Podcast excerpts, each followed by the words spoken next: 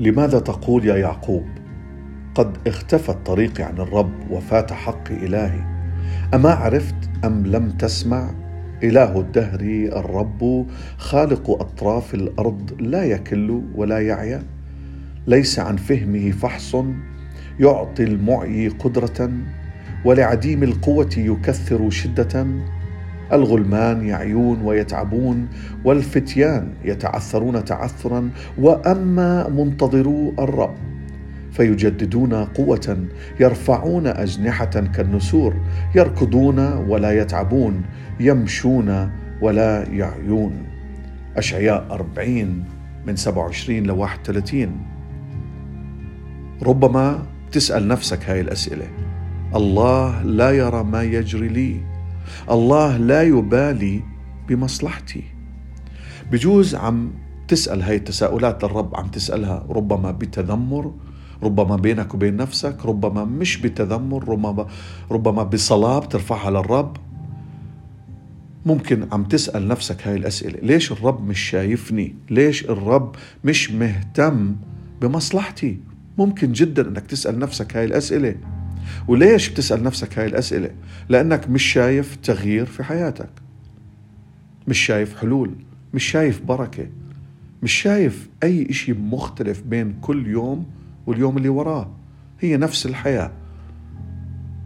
بجوز عم تحكي لحالك بصحى من النوم مغموم روتين بصحى بروح برجع نفس المشاكل نفس التحديات نفس الأتعاب نفس الغم نفس الناس اللي بيجيبوا لي مشاكل بشوفهم كل يوم برجع وبنام وأنا مغموم نفس الشيء بصحى تعبان نفسيا وجسديا ومرة تانية نفس الروتين تاني يوم. بجوز عم تسأل نفسك هاي الأسئلة. لكن اليوم في لك رسالة. ضروري إنك تسمعها كويس. لا لازم أعيد الجملة هاي عشان تركز معي اليوم إلك رسالة إلك أنت اسمعها كويس. بدي أحكي لك أنه الرب هو اللي عم بتساءل. مش أنت اللي لازم تتساءل. الرب هو اللي عم بتساءل. الرب عم بحكي لك ما عرفت؟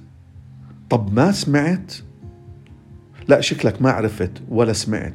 واليوم بدي أحكي لك الرب عم بيحكي ما سمعت إنه أنا ما بتعب وما بكل وما بفقد الأمل منك. واليوم بدي أذكرك مين أنا. ما خبروك إنه أنا جالس على العرش منذ الأزل. ما خبروك ما سمعت ما عرفت إنه أنا فهمي بلا حدود وإنه طرقي فعلا أعلى من إنك أنت تفهمها. ضروري اليوم إنك ترفع عينيك للسماء وتطلع على السماء وتسأل نفسك مين خلق كل شيء بتشوفه بعينيك؟ واليوم أنا بحكي لك هو صاحب القوة العظمى والقدرة والشدة. حتى وانت تعبان. بعطيك قدرة. حتى وانت عديم القوة الرب راح يكثر قوتك. اسمعني كويس. الرب مش بس راح يعطيك قوة الرب راح يكثر من هاي القوة. ممكن إنك تشوف إنه الشاب يتعب. ممكن إنك تشوف إنه الصغير يعيا. لكن اليوم أنا بحكي لك أما منتظرو الرب. في حالة خاصة مختلفة للي بينتظروا الرب. بالرغم من تحديات الحياة الرب عم بيحكي لك بالرغم من الأمور اللي شايفها ما عم تتغير لكن اليوم الرسالة اللي لازم توصلك إنه الرب عم بيحكي لك. أما منتظرو الرب يعني بكلمات أخرى أما الذين يضعون رجاءهم في الله. إذا اليوم أنت واضع رجائك في الرب في أمور مختلفة راح تصير معك الرب راح يجدد قوتك والرب راح يعطيك إنك ترفع أجنحتك كالنسر. والرب راح يعطيك إنك تركض وما تتعب. والرب راح يجعلك إنك تمشي وما تعيا لدرجة ممكن تشوف اللي أصغر منك تعبوا من هاي الحياة. لكن أنت نشاطك يتجدد في هاي الحياة وتشوف أمور جديدة في حياتك. لكن مرة تانية رسالة الرب بحكي لك اعرف واسمع وتعلم عني إني أنا الرب اللي بينتظرني ما رح يخزى اللي بينتظرني رح أعمل هاي البركات في حياته. اليوم هاي رسالة إلك.